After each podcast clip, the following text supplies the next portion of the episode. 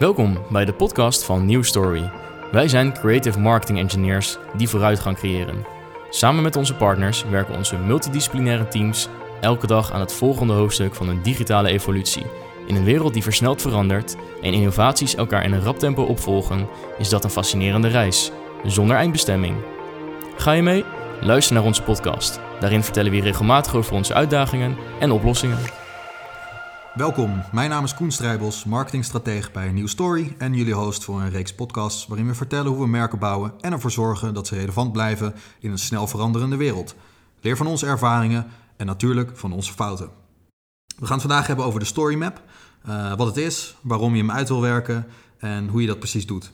Ik bespreek het vandaag met Steven de Bruyne, uh, partner, strateeg, creative lead uh, en uh, misschien nog veel relevanter voor deze podcast en deze workshop, uh, copywriter bij New Story. Stivo, welkom. Ja, hi. Wat, wat, is die Story Map?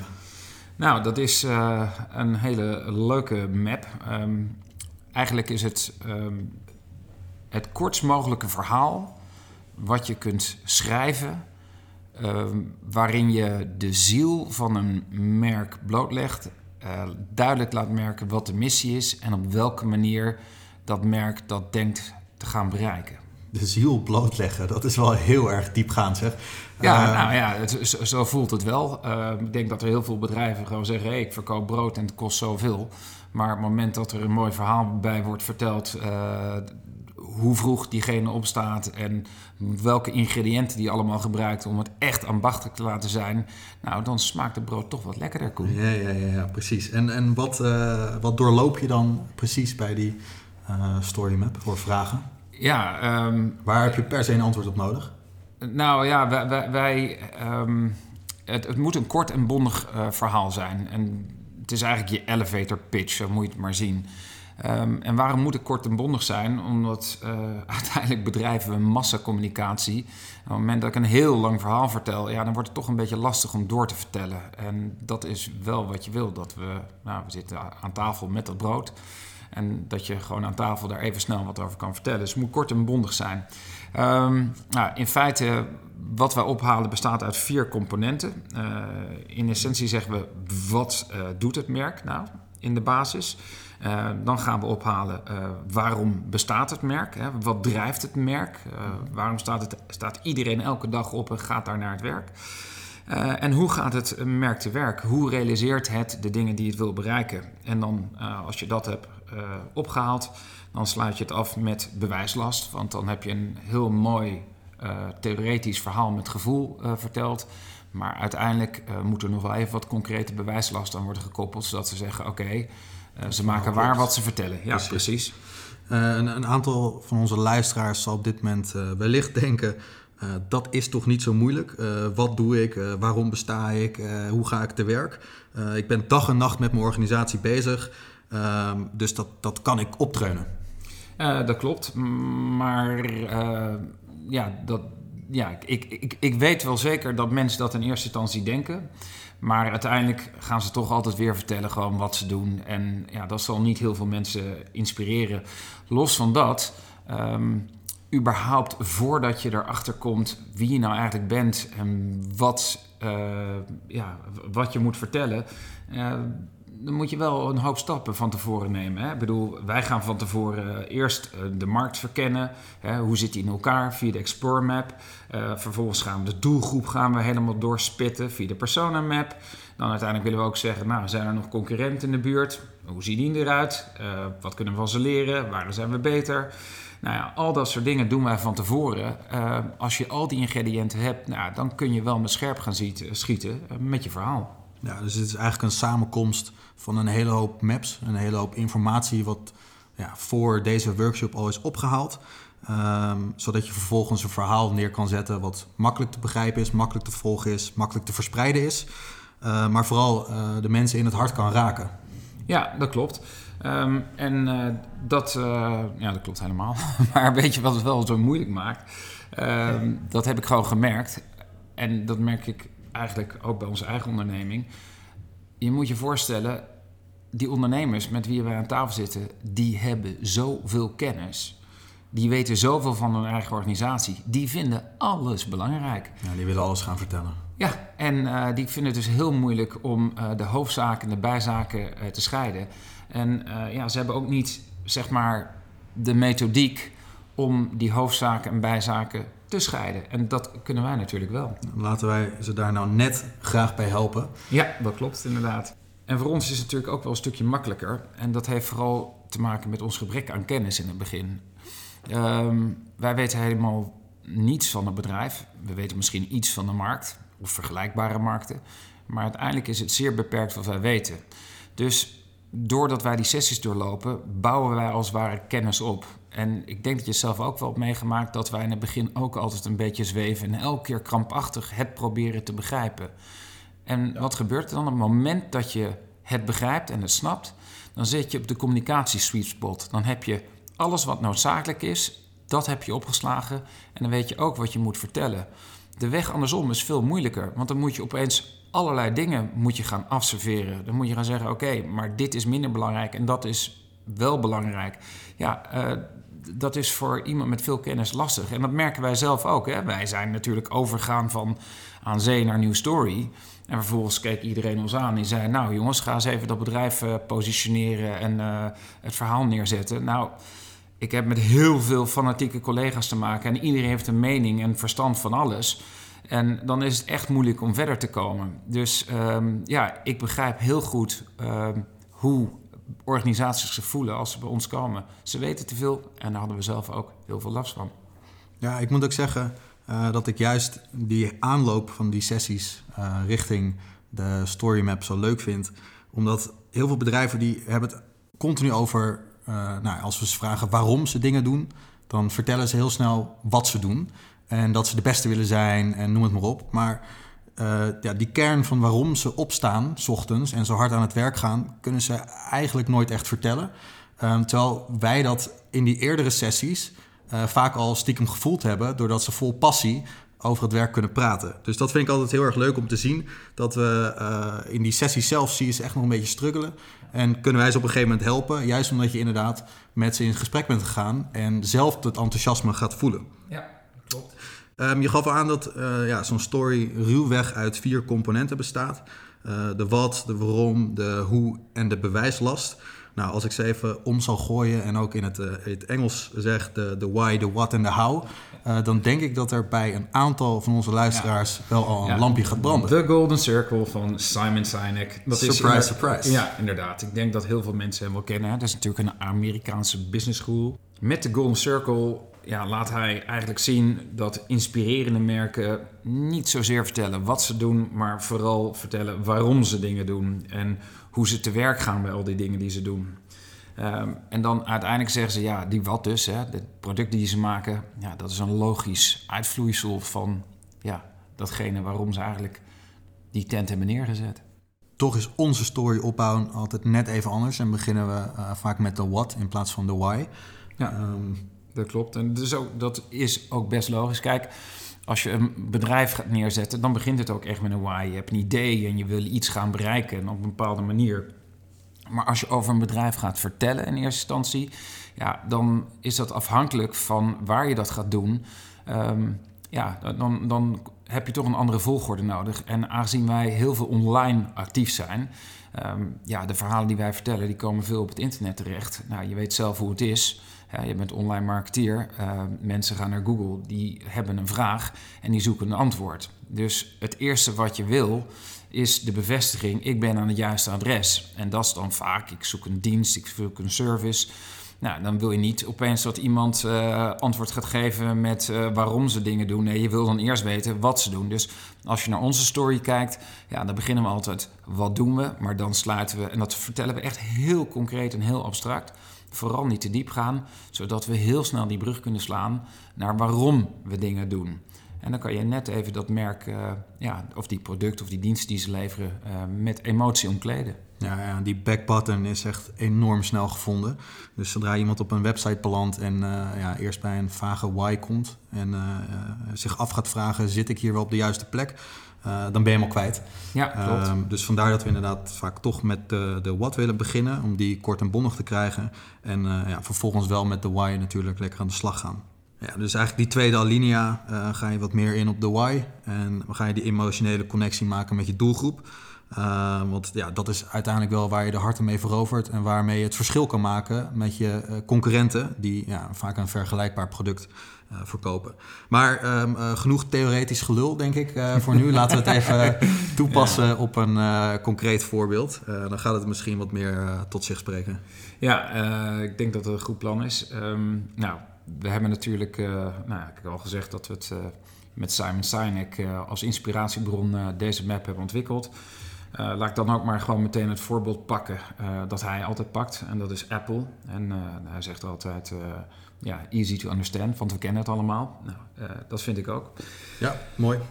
dus ehm, ja, hij heeft het opgesplitst en hij zegt, nou, wat is nou de why van Apple? En Apple heeft eigenlijk gezegd, in alles wat we doen, geloven we dat we de status quo moeten challengen. Dus eigenlijk zeggen ze, we hebben het idee dat het altijd beter kan. Of in ieder geval, we moeten proberen om het beter te maken. Ja, en anders zijn. Ja, en, en, en, en anders, hè, think different, dat was een beetje hun promise. Dus uh, vervolgens de why was dan, uh, dat is die status quo altijd wilde challengen. Maar vervolgens hun how is, uh, alles wat we maken moet er geweldig uitzien en moet gebruiksvriendelijk zijn. Nou, dat zie je ook dan wel weer terug. Hè. dat herkennen we ook. het is allemaal intuïtief en het ziet er inderdaad super goed uit als je een fanboy bent, net als jij en ik. Zeker. Niet iedereen zal het eens zijn, maar goed. Dan uiteindelijk zeggen we, wat maken we nou? Ja, in het begin, hè, toen hij dus zei, ja, we happen to make computers. Uh, maar ja, natuurlijk ook iPhones en tablets en uh, Apple Watches. Uh, maar ik zweer het je, als ze straks tv's gaan maken, nou, dan gaan we die ook probleemloos kopen. Want we verwachten dat ze super gebruiksvriendelijk zijn. En we weten dat ze er mooi uitzien ja, daar raak je voor mij wel echt de kern van ja, het verhaal van Simon Sinek. Um, in zijn boek uh, legt hij ook het verschil uit tussen uh, Apple en Dell. En Dell die heeft eigenlijk jarenlang van buiten naar binnen ja, de marketing gedaan. door te beginnen te vertellen met wat ze doen. Namelijk computers maken. Ja. Uh, en een Even, beetje hoe ze dat doen. Zoals wij dat dus ook doen op het web. Maar ik heb net uitgelegd uh, waarom we dat doen. En wij gaan niet heel uitgebreid die wat uitleggen. Dat is echt nee, heel hoog over. Zodat we echt in een milliseconde bij die Y zijn. Ik wil het toch wel even duidelijk zeggen. Ja, ja, nee, heel goed. Heel goed. Uh, dus even terug naar Dell. Ja, die, die, die heeft altijd van buiten naar binnen volgens de Golden Circle gepraat. En dat, dan begonnen ze met wat.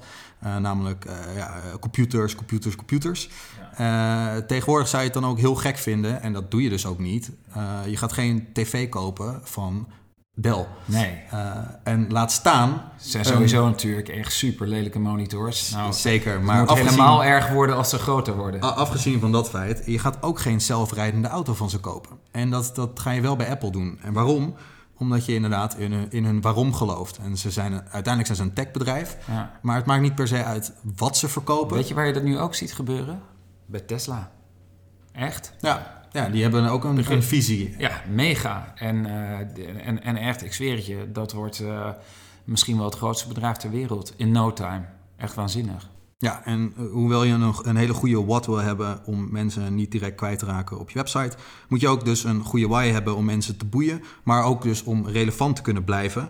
Um, maar ja, aan het, even terug naar de sessie. Aan het eind van deze workshop hebben we drie ja, magere uh, ja, uh, opgeschreven. ik, ik heb als, uh, sorry, ja, ben dat, sorry, ik heb last van dangneurose. Als ze langer dan vier regels worden, dan krijg ik problemen met mezelf. Dus schrijven is schrappen, zeggen ze wel eens. Maar inderdaad, je hebt straks drie alinea's en daaronder hebben we een hele opsomming van voorbeelden ehm, waarvan we zeggen, nou, als we naar onze service kijken en alles wat we doen, nou, dan moeten we die noemen, want daarmee laten we inderdaad zien dat wat wij zeggen te doen, dat dat ook echt zo is. Um, ja, en dat kan een beetje mager aanvoelen. Maar um, ja, weet je, ik stel me altijd zo voor. Stel je voor dat je een hardwerkende stratenmaker bent. Hè, iemand die wel wat kan, in tegenstelling tot ons.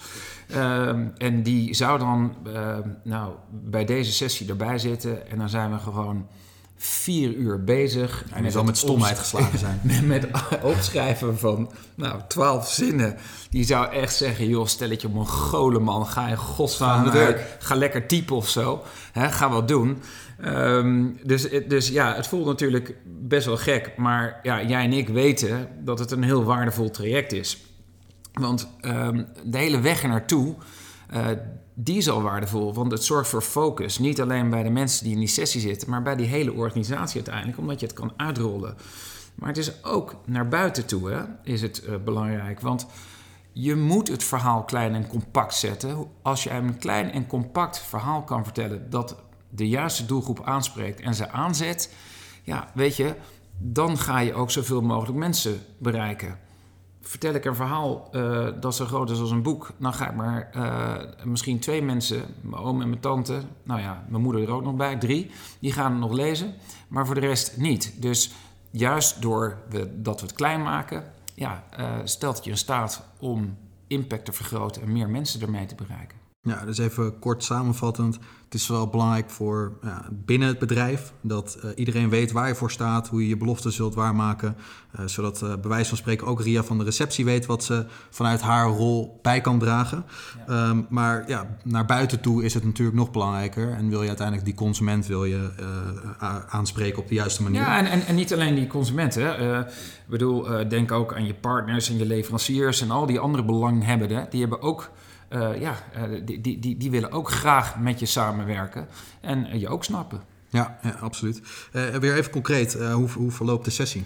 Nou, niet altijd hetzelfde. Het is toch wel afhankelijk van de grootte en het karakter van de groep. Hè. Schrijven ze graag of raken ze dan juist in paniek? Ik moet eerlijk zeggen dat die tweede groep best groot is. Ik merk dat heel weinig mensen het leuk vinden om te schrijven.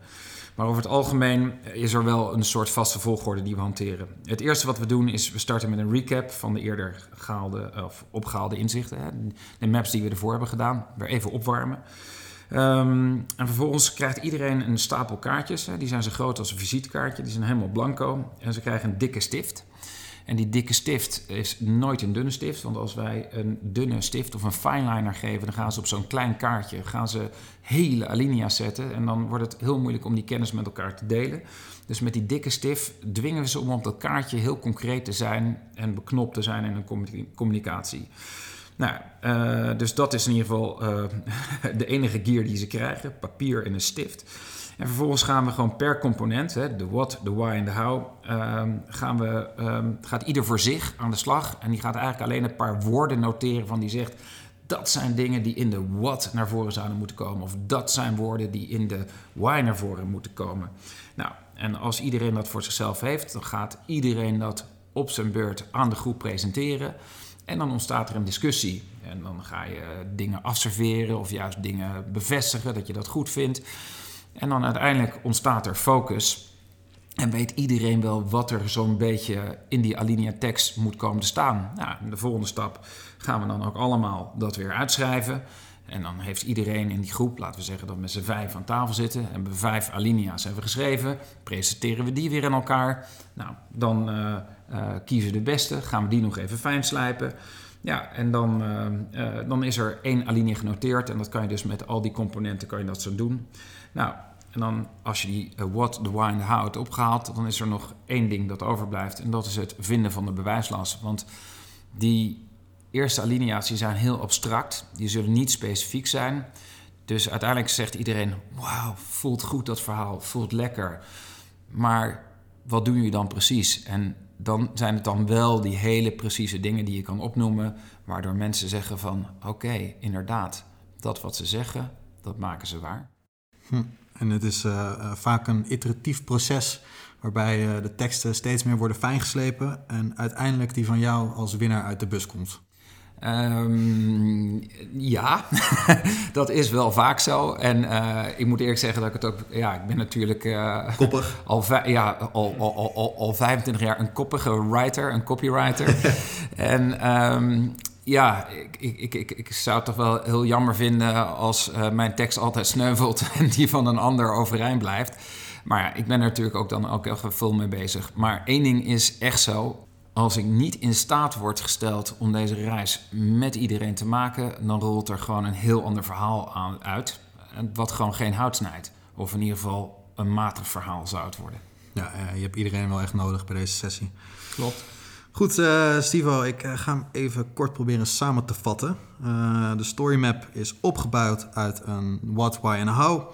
En wordt uiteindelijk afgemaakt met aansprekende voorbeelden. Ook wel de proof of the pudding die aan moeten sluiten bij het verhaal. het verhaal moet dus uiteindelijk zorgen voor een emotionele connectie met je doelgroep. Um, en ervoor zorgen dat je product of dienst ja, waardevoller gaat aanvoelen. maar vooral ook altijd relevant blijft.